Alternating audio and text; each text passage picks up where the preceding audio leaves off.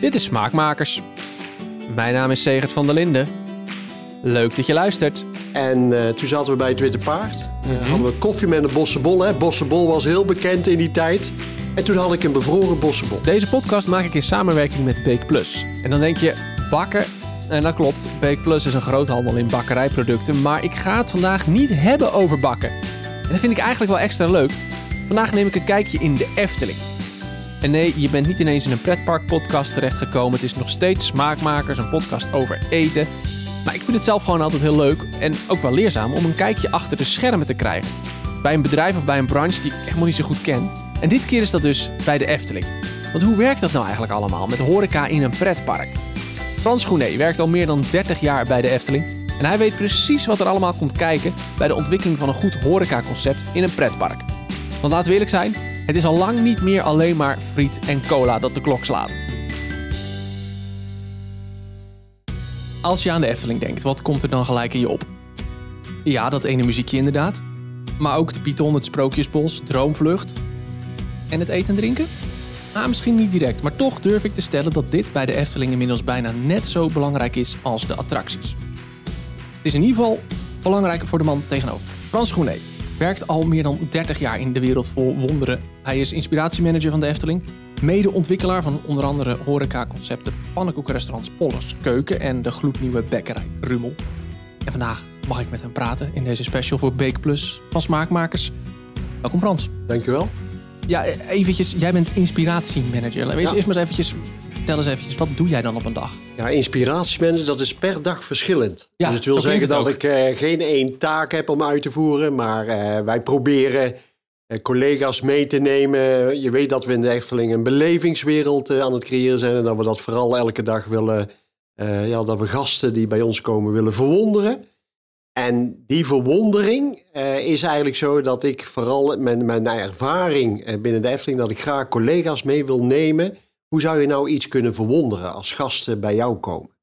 En dat eh, is eigenlijk eh, elke dag verschillend. Dus jij ik- probeert eigenlijk jullie medewerkers zo te trainen dat ze niet alleen maar bezig zijn met ik moet nu op dit knopje drukken zodat hè, de python losgaat. Of ik moet de, de broodjes in de oven schuiven zodat ze op tijd klaar zijn. Maar dat ze ook die gast altijd meenemen. Ja, dus om eerlijk te zijn, wij hebben daar een mooie spreuk voor van eh, hoe ga je eigenlijk in plaats van rijen weer gezichten zien. Jullie weten natuurlijk ook wel dat we heel veel producten hè, vanuit de Ja. horeca verkopen. Eh, en daar zijn we natuurlijk heel erg eh, heel druk mee. Eh, maar het gaat er wel om om te kijken van jongens, hoe kunnen wij die gast nou een onzorgende eh, dag bezorgen? Hè? Hoe kunnen we ze uit de waan van de dag krijgen? Ja. Ja. En dat is altijd gegaan, hadden we altijd met entertainment. met de attracties. Hè. Als je bij ons in attracties, dan heb je toch het gevoel, ik zit in een andere wereld. En de afgelopen jaren zijn we heel erg bezig geweest met de horeca. Hoe zouden wij nu ook met de horeca eh, sommige onderdelen in het park eigenlijk de gasten uit de waan van de dag krijgen? Maar, maar hoe ging het dan eerst? Voor die tijd? Ja, voor die tijd. Je moet je voorstellen, ik ben eh, ja, bijna 30 jaar geleden begonnen eh, in de Efteling. Ik ben kok geweest, ik kom uit de keuken. Op een gegeven moment kwam ik in de Efteling met mijn vrouw, Ricky. En toen zaten we bij het Witte Paard. Mhm. hadden we koffie met een bossenbol. Hè. Bossenbol was heel bekend in die tijd. Echt een Brabants product Nog steeds natuurlijk. toch? Bedoel, het Ja, dat is nog steeds. Maar daar waren eh, ongeveer zo'n 100, 120 bossenbollen in de ochtend eh, dat ze er eh, verkochten. En toen had ik een bevroren bossenbol. En Oeh. ik denk van nou, ik had tegen mijn vrouw gezegd, als ik hier zou gaan werken, dan zou ik het echt hier wel eens even regelen wat eigenlijk echt horeca is. En toen kwam ik buiten het Witte Paard en toen kwam ik een eh, oud-operationeel directeur waar ik vroeger mee gewerkt had. En die was daar eigenlijk de, ja, adjunct-directeur geworden. En dat was natuurlijk een eh, gouden klik. En eh, binnen twee weken werkte ik in de nek. Met dank aan een bevroren bos. Bevroren bossenbol, ja. Dank aan de bevroren bossenbol. Oh, dat kan ook echt niet Nou, natuurlijk. en toen nee. ben ik natuurlijk uit de keukens gegaan. En toen was mijn eerste job was bedrijfsleider van een hamburgertent bij de Python. Hm. Dat heette nog de Is dat niet meer zo? Ik dacht dat dat, dat nog steeds een likkerbaard Nee, nee, dat heet nu een station de Oost. Daar hebben we Oh, natuurlijk heel veel eh, ja, ja, gemoderniseerd en verandering. Ja. Want toen ben ik eigenlijk begonnen als hamburger eh, bedrijfsleider bij eh, de Python. En toen hadden we wel ontdekt, het was eerst een poffertjeskraam. Om eerlijk te zijn, poffertjes hoorden bij de authenticiteit van de Efteling. Hè, Dat heel Anton Pieck. Heel Poffertjes, Anton Pieck. Veel meer dan een hamburger. Maar je moet je voorstellen, als we aan de ene kant van het park poffertjes verkochten, deden we dat aan de andere kant ook. Want dat was best wel een goede marge eh, wat erop zat. En toen, kwam, eh, toen kwamen we eigenlijk tot inkeer van ja, maar als je kijkt naar zo'n Python, zo'n achtbaan, eh, ja, dan ga je toch een andere doelgroep krijgen. En wij hadden gedacht van ja, dan kom je veel meer met jeugd te maken. En wat was in die tijd eh, van de negentiger jaren, dat ze natuurlijk veel meer naar de hamburgers lonkten eh, dan naar de poffertjes. En zo hebben we eigenlijk Ja. zo hebben we eigenlijk eh, een hamburgerrestaurant ervan gemaakt. Maar dat is eigenlijk een hele simpele stap. Een hele Je- simpele. Je, je, ziet, daar zijn veel jongeren. Die willen geen poffertjes. Laten we die poffertjes dan, eh, die verhuizen we wel naar Carnaval Festival. Want daar komen Ja. al die gezinnen met kinderen lekker poffertjes eten. Ja. En dan doen we daar. Ja, of in het. Marenrijk, hè. Dat Marenrijk is nog echt dat Anton Pieck gedeelte. Ja, dat is waar de, is dat waar, Waar. Sprookjesbos, Waar Sprookjesbos, Sprookjesbos ja, en ja. Droomvlucht is. Ja. En dan zie je eigenlijk waar we toen mee bezig waren. Van welk product zouden wij nou in welk, eh, welk deel van het park eh, kunnen positioneren? Ja. Nou, en zo zijn we eigenlijk gekomen met hamburgers eh, bij de Python. Ja, en dan, dan, dan, dan, dat is een hele simpele stap eigenlijk. Dat is denken vanuit je doelgroep 1.0. Ja. Bij, Ja. bijna. Wij noemen dat vanuit de ogen van de gast Vanuit de ogen van de gast, ja. Ja. ja. Maar hoe ben je dan vanaf daar? Want jij hebt ook aan de basis gestaan van Polles Keuken bijvoorbeeld, het pannenkoekenrestaurant. En Ja. in Polles Keuken, dat is, het is echt fantastisch. Je hebt daar binnen, je hebt zo'n zo'n hele stellage Ja. in het midden staan. En die gaat eens in de, Ja, is een onderdeel van het verhaal. gaat die, gaat die ronddraaien en dan gaan al die pannen gaan bewegen. Ja. Dat is helemaal te gek. Ja. Hoe, hoe, hoe, hoe is die stap gegaan? Want het is nogal een grote stap. Dat is een hartstikke groot stap. Maar dat is natuurlijk in jaren dat je steeds meer ontdekte van hoe kunnen wij nou het onderscheid bieden. Dus je moet je voorstellen dat we Symbolica hebben gebouwd. Eh, nou, je bent wel eens in Symbolica geweest Zeker, volgens mij. Je ja, hebt daar ja. een sfeer en een wereldje waar eh Pardoes en Pardijntje alle avonturen meemaken. Ja, het is een soort Nou, dat- kasteel. Hè? Je, Ja, je, je rijdt rond door een paleis. En je komt op een gegeven moment ook op een groot feest. En er is een groot banket en zo. En dat, dat kun je allemaal zien. Nou, en dan moet je je voorstellen dat als, ik dan, als wij dan de opdracht krijgen van ja, we willen daar graag een restaurant bij. Van hoe kunnen we nou het concept doorvertalen van die attractie eh, naar ons eh, restaurant? Nou, we hadden echt behoefte aan pannenkoeken. Dus is even commercieel gedacht. Wat missen we nog binnen het park? En dat was eigenlijk gewoon pannenkoeken. Het is een laagdrempelig concept. En toen is het zo dat we gedacht hadden van ja, we hebben Symbolica, Pardoes en Pardijn maakt de mooiste avonturen mee. En dan zit koning Pardulvis achter zijn pakket natuurlijk dagelijks eh, gasten te ontvangen die eh, eigenlijk mee mochten eten. Nou, en toen is het zo dat koning Pardulvis, die heeft natuurlijk elke dag wel eh goede maaltijden, producten nodig om op die banket te zetten. En daar heeft hij natuurlijk wel het beste koksmaatje van het land gevonden. En dat heette Polle, Polles koksmaatje. En daardoor is Polle eigenlijk het koksmaatje geweest die Polles keuken heeft eh, ingericht. En wat je ziet is dat Polle, als je dat bij hen in het restaurant komt, dan zie je in het midden, wat jij net over had, is dat daar een kookstoof staat. En daar maakt hij natuurlijk de lekkerste dingen. Alleen het gaat er wel over, als hij het heel druk hebt, waarom heel veel gasten komen, dan gaat die kookstoof wel eens over de kook. En dan komt het vuur uit de oven, dan gaan de deksels rammelen. Alles klappert, de pollepels die gaan in de wilte ja, rond. En dat is eigenlijk de vertaling hoe je elementen, eh, zowel in thema, maar ook wel in design. Want als je ook in ons restaurant kijkt, dan hebben we ook een afwasgedeelte. Alleen dat is niet echt een afwas, maar dat zijn de designmaterialen wat we gebruikt hebben bij tafels, banken. Eh, we hebben een gestapelde vaat hebben we opgesteld. En op die manier kijken wij ook naar het design. Ja, want je, je had natuurlijk ook kunnen denken toen jullie dachten we willen graag pannenkoeken. We er een pannenkoekenrestaurant neer. We doen rook, eh, leuke rood ge- wit geblokte kleedjes op tafel. Ja. We serveren pannenkoeken, punt. Ja. Maar jullie hebben er echt nou ja, een beleving van gemaakt. Om We, het even in een proberen, ja, we hebben er een belevingsconcept Ja. van gemaakt. En wat eigenlijk ook het mooiste is, dat je dat belevingsconcept in een omgeving bepaalt. En je wilt er een hartstikke mooie omgeving maken. Nou, dat lijkt natuurlijk een onderdeel van Symbolica. Je probeert er leuke pannenkoeken eh, te maken. Dus we hebben, wat ik leuk vind, is dat onze pannenkoekenbakkers elk seizoen een andere pannenkoek eh, aan, het, eh, aan het bedenken zijn. En om eerlijk te zijn, we hadden vorig jaar zomer hadden wij een pannenkoek frikandel speciaal. Het was niet te eten, kan ik je vertellen. Maar het ging zo goed op de social ik, media. ja. Wij hadden zoveel weergaves en likes. Dat geloof ik. Dus op een gegeven Ja, moment ja, kun je ook wel zeggen: ja, hoe gaan wij nou die gasten betrekken? En als je op een of andere manier een gekke item eh verzint, ja, dan hoeft het misschien daardoor dan niet lekker te zijn, wat ik dan vind. Heel veel mensen vonden het wel lekker. Maar we hadden zoveel bereik bij socials, waardoor we vanzelfsprekend gewoon veel meer van die pannenkoeken frikandel speciaal eh serveerden. Iedereen wilde dat ding altijd Ja. op Instagram langs zien komen. Ja, tuurlijk. Dus ja. hoe, wat, ik dan, wat ik dan denk is van ja, hoe kom je eigenlijk van storytelling, het verhalen vertellen, hoe kom je dan naar de verkoop? Ja. Want je wil, Ja. hè, we zijn een commercieel bedrijf. je wil dus, geld verdienen. Dus wel ook geld Simpel is verdienen. het ook weer, ja. En dat is eigenlijk wel de verlenging wat we eigenlijk elke keer aan het doen zijn. Dus dat maakt eigenlijk horeca in een pretpark anders dan gewoon een, een restaurant openen. Of een, of een, een bakkerij openen. Nee, hoor, of een ik- andere horecazaak. Nee, ik denk dat dat op dezelfde manier kan. Alleen je moet er geen Efteling van maken. Hè? Dus je moet je in je eigen cultuur, in je eigen DNA... en misschien wel vanuit je eigen familiebedrijf eh, Mhm. kijken... eh, dat we zeggen van jongens, hoe krijg je dat nou een vertaling eh, naar je product of naar je medewerkers toe? Ja. Wat hoop jij dat bezoekers meenemen? Als ze in Polleskeuk komen of eh, in de nieuwe bakkerij Krumel of bij Ravelijn. Wat, wat hoop je dat ze meenemen, die bezoekers? Als ze daar geweest zijn? Herinneringen. Herinneringen. Ja, dus het wil zeggen dat wij natuurlijk heel veel producten verkopen. Ehm, en het wil zeggen, want als we het toch over Polles Keuken hebben, weet je, als we op een drukke dag over pannenkoeken we er doorjassen. Oh jongens. Eh, hoeveel, hoeveel mensen kunnen er eten tegelijkertijd? Och jee, jij bent dan echt zo'n eh, rekener. Ja, ik ga rekenen natuurlijk, ik zal het gewoon vertellen, want anders wordt de Dat ook podcast ook langer. Maar wij verkopen dagelijks, als het heel druk is, verkopen we 1700 pannenkoeken. Wauw. Dus het wil zeggen dat dat natuurlijk eh, niet pannenkoeken in een pan, maar het is natuurlijk geautomatiseerd. eh, Ja, maar dat wat- kun je zien toch, volgens Dat kun je- mij? dat kun je is heel ook erg leuk. zien. Dat hoort er ook bij, denk ik, bij die beleving. Ja, en wat ik ook wel heel mooi vind daar bij Polles Keuken, is dat je die vertaling maakt dat tuurlijk hebben we ambachtelijk. Hè? Wij willen het ook zo goed en mogelijk ambachtelijk maken.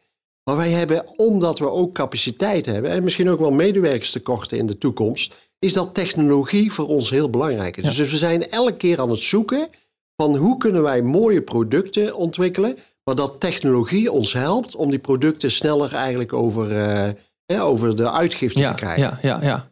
Maar goed, maar goed, die herinnering van die bezoekers, dat, die dat is wat centraal staat Ja, voor jou. Ja, dus het wil zeggen dat als je ergens in een concept rondloopt, of dat het nou Pollens is, of dat het eigenlijk eh Bekkerij Krumel eh, is of Ravelijn, eh, dan is het vooral die herinnering die ze meenemen naar huis. Want wij hebben uit onderzoek is gebleken, als je een mooie herinnering creëert, dan gaat dat 15 tot 20 keer doorverteld worden. Ja. En dat is hoe jij met je product of concepten betekenis kan creëren. Daar gaat het eigenlijk om. En als je dan de aantal medewerkers die je in je organisatie hebt, eh, met de aantal eh, gasten of klanten die je binnenkrijgt, en je kunt er elke dag daar een fan van maken, ja, dan hoef ik jou niet te vertellen hoeveel fans je kunt creëren Nee. om betekenis eh, te krijgen. Nee, nou, ja, even een praktisch voorbeeld zag je van de zomer. Dus met die pannenkoek frikandel speciaal. Ja. Die gingen die mensen delen. En daarom gingen mensen die pannenkoek frikandel Ja. speciaal bestellen. Dat klopt. Ja. En dat is eigenlijk wel de filosofie die wij ook altijd wel in de Efteling hebben. En om eerlijk te zijn, ik heb het, eh, het, ik heb het eh, verhaal gehoord van Anton Pieck. Hè. Anton Pieck, Mhm. weet je, dat is onze eerste designer eh, van de Efteling Ja. eh, geweest voor het Sprookjesbos. En het was zo eh, dat ik altijd heb onthouden dat hij in dat Sprookjesbos bezig was. En hij eh, had een aantal, eh, hij had een creatief gedachtegoed heeft hij achtergelaten. En dat zijn we nog steeds aan het, eh, aan het koesteren. Want als er nieuwe attracties eh, gebouwd worden, dan lijkt het net of dat er al 100 jaar staat. Hm. Dat wil zeggen dat hij alles wilde bouwen voor de eeuwigheid. Het was een perfectionist. Hij wilde vooral kwaliteit.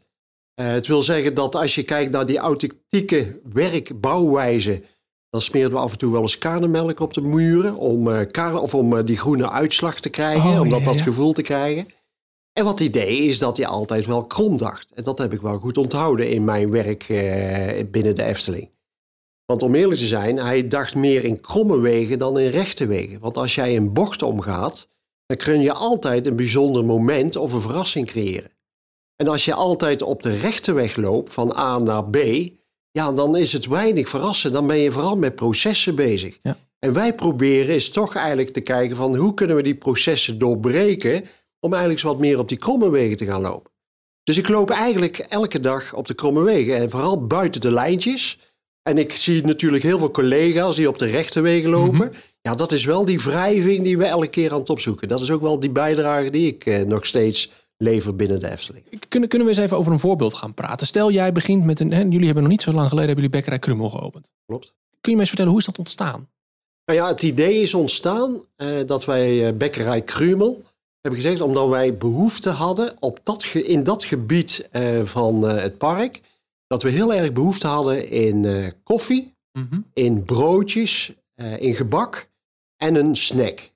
Dat is eigenlijk de behoefte. Want Bekkerij Krumel is gesitueerd bij Plas Aquanura... Mhm. en bij de oude bobbaan. Hè? Ja, Dus nieuwe... waar nu de nieuwe attractie Max en Moritz is. Dus we zagen uit onderzoek dat dat deel van dat park behoefte had aan een product. Nou, en daardoor zijn wij eigenlijk vanuit het product eh, zijn wij eigenlijk gekomen van ja, hoe gaan we dat dan, hoe gaan we dat pand bouwen, hoe gaan we dat doen? En je moet je voorstellen dat de Efteling altijd begint met een verhaal. Ja. En dat verhaal van Max en Moritz eh, is wat dat nu de nieuwe attractie is. En dat is eigenlijk een Zuid-Duits verhaal. En het houdt in dat Max en Moritz zijn twee qua jongens die de verschillende, die verschillende streken hebben uitgehaald in dat dorp.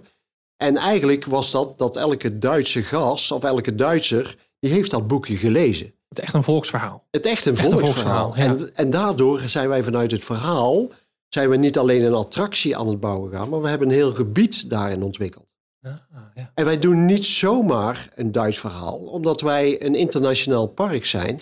En wij hebben natuurlijk heel veel verblijfaccommodatie. Dus het wil zeggen, als je dit verhaal pakt en je verleidt dat in de Duitse markt, dan proberen we heel veel Duitse gasten naar ons toe te krijgen. Het, snijdt, het, het, het heeft zoveel meer inzicht dan alleen we maken een nieuwe attractie en een horecapunt ernaast. Als ik dit zo hoor. Je Ja. bent op zoveel vlakken aan het denken. Want bijvoorbeeld, je, je, je zei, je zei net bij Polles Keuken ook al. eh, de, de- wij ontdekten, er was behoefte aan. Nou, eh, pannenkoeken bij Polles Keuken en hier broodjes, koffie. Een snack. Hoe, hoe, hoe weet je dat daar behoefte aan is, aan, op dat plekje? Ja, omdat je natuurlijk de loopstromen van je gasten krijgt. En wat die loopstromen betreft, is als jij een nieuwe attractie eh, neerzet of een attractie die je vervangt, ja, dan gaan er nieuwe loopstromen komen. Ja, En het is zo dat eigenlijk normaal, eh, weet ik nog wel van eh, toch wel een aantal jaren geleden, is dat als de poort open ging, dan gingen ze allemaal door het Sprookjesbos, want toen was Droomvlucht nog nieuw. dus je ja. zag één stroom bij Droomvlucht. Daarom was het zo druk bij het Witte Paard. ja, ja. Maar nu hebben we inmiddels natuurlijk veel attracties erbij gekregen. Dus die loopstromen, die veranderen elke keer. En het wil zeggen dat wij proberen eigenlijk veel meer naar de gebieden eh, te gaan ontwikkelen. Dat ze een gebied in plaats van aan het bekijken zijn, veel meer naar aan het beleven zijn. ja, ja, ja, nou, en dan is het zo dat je kijkt naar je product. En dat was eigenlijk daar op dat moment. eh, de Daar was koffie nodig. Ja, daar waren koffie nodig. Ja. ja, en dan is een, denk ik, Duits, ja, bekkerij. Ik- dat, dat voel ik sowieso wel. Ja, dat vind ik ook. Ja. En als je dan eigenlijk uit de ogen van eh, dat Duitse, de Duitse gasten kijkt. Want om eerlijk te zijn, het gedrag van een Duitse gast is heel anders dan een Nederlandse gast. Toch? Ja, ik heb geen idee. Jij, Nee. jij vertelde Ja, mij. ik, zeker. Je Ja? moet je voorstellen, als je een Duitse gast voorneemt en jij wil iets verkopen, dan moeten altijd goed jouw schoenen gepoetst worden. Als jouw schoenen niet eh, gepoetst zijn, dan denken ze van, er, er is iets hier. Ze Ah. maken niet goed schoon. Of eh, hij verzorgt zijn eigen eh, niet goed. Dat is eigenlijk een kenmerk van de Duitse gast. Dus de mensen die in, bij, bij de bekkerij Grumel werken, die hebben goed gepoetste schoenen. Daar hebben we wel, eh, dat hebben we wel natuurlijk bewust gemaakt. Wauw. Het wil ook zeggen dat een Duitse gast op dit moment veel meer nog met contant geld betaalt dan met pinnen. Ja. Dus om eerlijk te zijn, als jij met een concept of je denkt wat beter in dat gastcontact, dan zul je eerst moeten inleven welke gasten of klanten in je winkel komen. Als het zomaar een, eh, een middel is om, om brood te verkopen of gebak, ja, dat is leuk, maar dan ga jij nooit meer dan een zeventje scoren. Dan blijf jij gewoon producent. Ja. En het gaat erover van hoe ga ik nou boven die zeven komen? Want om eerlijk te zijn, hoe meer dat je naar boven komt, dan maakt het prijsaanbod eigenlijk niet meer uit. Dat ik nou een worstenbroodje eh, van eh, een euro, 1,20 of 1,50. Het gaat, over, het gaat over de totale eh, beleving die je dan meekrijgt. Ja, ja. En dat is eigenlijk wat we nu bij Bekkerij Krumel eh, ja, mee bezig geweest zijn. ja, want ergens denk ik nog steeds, als ik naar een pretpark ga, dan wil ik gewoon een snelle hap. Want ik wil daarna snel door, want er staat nog een rij voor Ja. de Python. Ja. En daar wil ik in. Of eh, Baron eh, 1898, daar gaan we nog even snel in. Ja. Maar als ik jou zo hoor, denk ik- dat, dat is misschien mijn idee. Maar er zijn nog heel veel andere mensen die hele andere ideeën hebben bij dat pretparkbezoek. die, die, hebben heel andere ideeën. En het is ook zo dat we natuurlijk proberen te stimuleren we van één-daags naar drie-daags eh, verblijf kunnen gaan. Daarvoor hebben we natuurlijk onze verblijfaccommodatie eh, vergroot. Maar goed, even terugkomend uh, bij Bekkerij Krumel. Dan is het zo dat je natuurlijk dat gebied wil ontwikkelen. we hebben daar verschillende onderdelen, want we hebben daar ook een cafetaria, de Steenbok, waar we friet en snacks verkochten. Toch nog wel friet? Ja, ja maar friet is heel belangrijk. En het wil zeggen dat we dat omgedoopt hebben in Vrouw Bolte. Ah. En Vrouw Bolte is ook een streek uh, van Max en Morris geweest. Want je, als je dan op het plein komt bij ons, dan uh, gaan ze eigenlijk ook door die schoorsteen. En zij proberen de haantjes te vissen uh, wat uh, vrouw Bolte... Pan, hè? Ja, die doet uh, natuurlijk de lekkerste kippetjes ja. braden. Dus je kunt bij vrouw Bolte, neem ik aan, dan ook lekker een kippetje halen. Ja, dan ga je een lekker kippetje halen. Dus het wil zeggen dat je kijkt naar dat thema van Max en Morris... en hoe kun je dat vertalen eigenlijk naar je product. Ja. Nou ja, dat is leuk dat we dat bij Bekkerij Krumel... die Max en Morris die vielen daar door die schoorsteen. Die vielen daar in een deegbak. En s'morgens werd Bekker Krumel... ja, die ging dan natuurlijk zijn brood bakken... En die bakte Max en Moritz in de oven. Gezellig. Nou, op die manier was eigenlijk het verhaal uh, verkondigd. En toen waren we bezig van ja, hoe zouden we dat verhaal nou naar dat product kunnen uh, verlengen. En daardoor zijn wij met deugnieten gekomen. Dus we hebben deugnieten uh, zijn we aan het verkopen. En om eerlijk te zijn, dat is een ouderwets recept. Bij ons in Kaatsheuvel waren de mikkemannen ja. heel bekend. Mm En dat waren de kaneelbroodjes, hè, waar je een bepaalde periode van het jaar kreeg. En vanuit dat deeg eh, maakten we eigenlijk deugnieten. Ah. Dus dan zie je dat er een lokale recept eh, gekoppeld is aan ons verhaal. En we zijn daar vooral met deugnieten eh, aan het verkopen. Je kunt het, dit zo ver doorvoeren, dit soort dingen. Ja, je, je kunt helemaal doorgaan. Nou, ja. je, je, gaat nog verder. Ja, ik ga zeker nog, verder. We, we, hebben nog een stap verder. Want dan hebben we op onze dienbladen, waar gasten natuurlijk hun producten kunnen verzamelen daar hebben we eigenlijk opgezet, voor, vooral voor de kinderen. Want kinderen is natuurlijk een superbelangrijk onderdeel. Want als de kinderen naar hun zin hebben binnen het park, ja, dan gaan die heb volwassenen ook, heb ik, Als mijn kind het leuk heeft in de Efteling, ben ik ook tevreden. Ja, dat is ook gewoon zo. Dus toen hadden wij op een dienblad, uh, hadden wij, uh, hebben wij nu staan, uh, dat je eigenlijk op zoek kan hoeveel deugnieten we verstopt hebben in het restaurant of in de bakkerij zelf. En komen die kinderen natuurlijk en dan staan er op die dienblad staan er 25 deugnieten. Die kunnen ze zoeken. Alleen we hebben expres geen 25 deugnieten verstopt, maar we hebben er 24 verstopt. En er komt zo'n klein mannetje of een klein eh, meisje, die komt dan naar een medewerker toe. Die zegt van ja, maar ik heb heel goed geteld, hè. Maar er zijn er maar 24, hè. Waardoor je eigenlijk de kans hebt dat die medewerkster tegen dat kleine, kleine manneke of kleine vrouwtje kan vertellen dat eigenlijk de laatste deugd niet eh, voor haar staat of voor hem staat. en dat is wel hoe je de vertaling elke keer maakt vanuit dat verhaal. En, en dan maak je dus die medewerker onderdeel van het verhaal. En van die beleving en die ervaring die je, die, ja, en wat, meegeeft. Ja, en wat we eigenlijk, en dat is natuurlijk bij de Efteling wel specifiek. Wat we vooral aan het bezig zijn, dat we altijd eh, voorheen altijd in eigen afdelingen aan het denken zijn.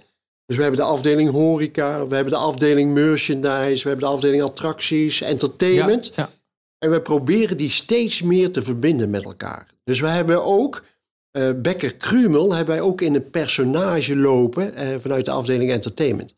Dus je komt binnen en dan is het zo dat je uh, welkom geheten wordt door Becker Krumel. Ja. En dat geeft, hè, dus we kijken naar de waardes van zo'n gastwaardering. en zo proberen we eigenlijk de momenten vanuit die gastreis te pakken. Welke invloed kunnen wij nu uitoefenen? Zowel voor gastvrijheid, maar ook voor de verleiding van het product. En zo wordt zelfs zo'n simpel ding als even koffie en een gebakje halen. Wordt dat echt vooral? Wordt, bijna, wordt bijna een attractie op zichzelf. Ja.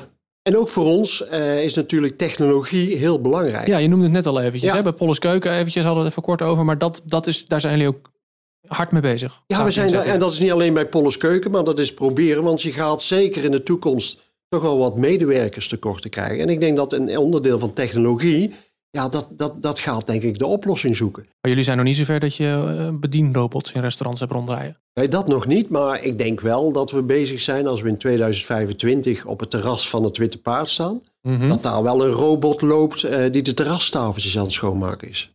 Echt waar? En dat wij tijd krijgen uh, om, om voor onze gasten aanwezig te zijn.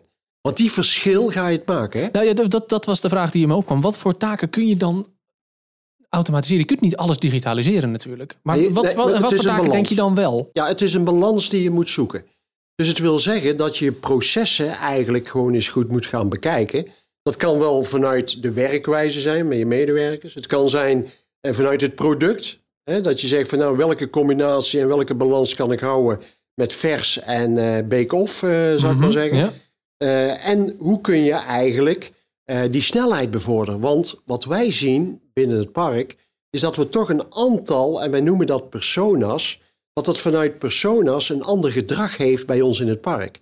Personas, dat zijn zeg maar een soort Personas eh, zijn, eikprof- eikpersonen. Voor, zijn eikpersonen die bij ons in de Efteling bezoeken. Ja, En je moet je voorstellen dat de ene persoon, die wil heel één dag in de Efteling alles bekijken. Daarom wil die ook heel snel haar product of hem product krijgen. Ja. Er zijn anderen die misschien drie daags bij ons verblijven in het resort. En die hebben wat meer tijd, waardoor zij veel meer die experience eh, willen zoeken. Dus wij hebben het eigenlijk verschil gemaakt tussen de functionele eter en de emotionele eter.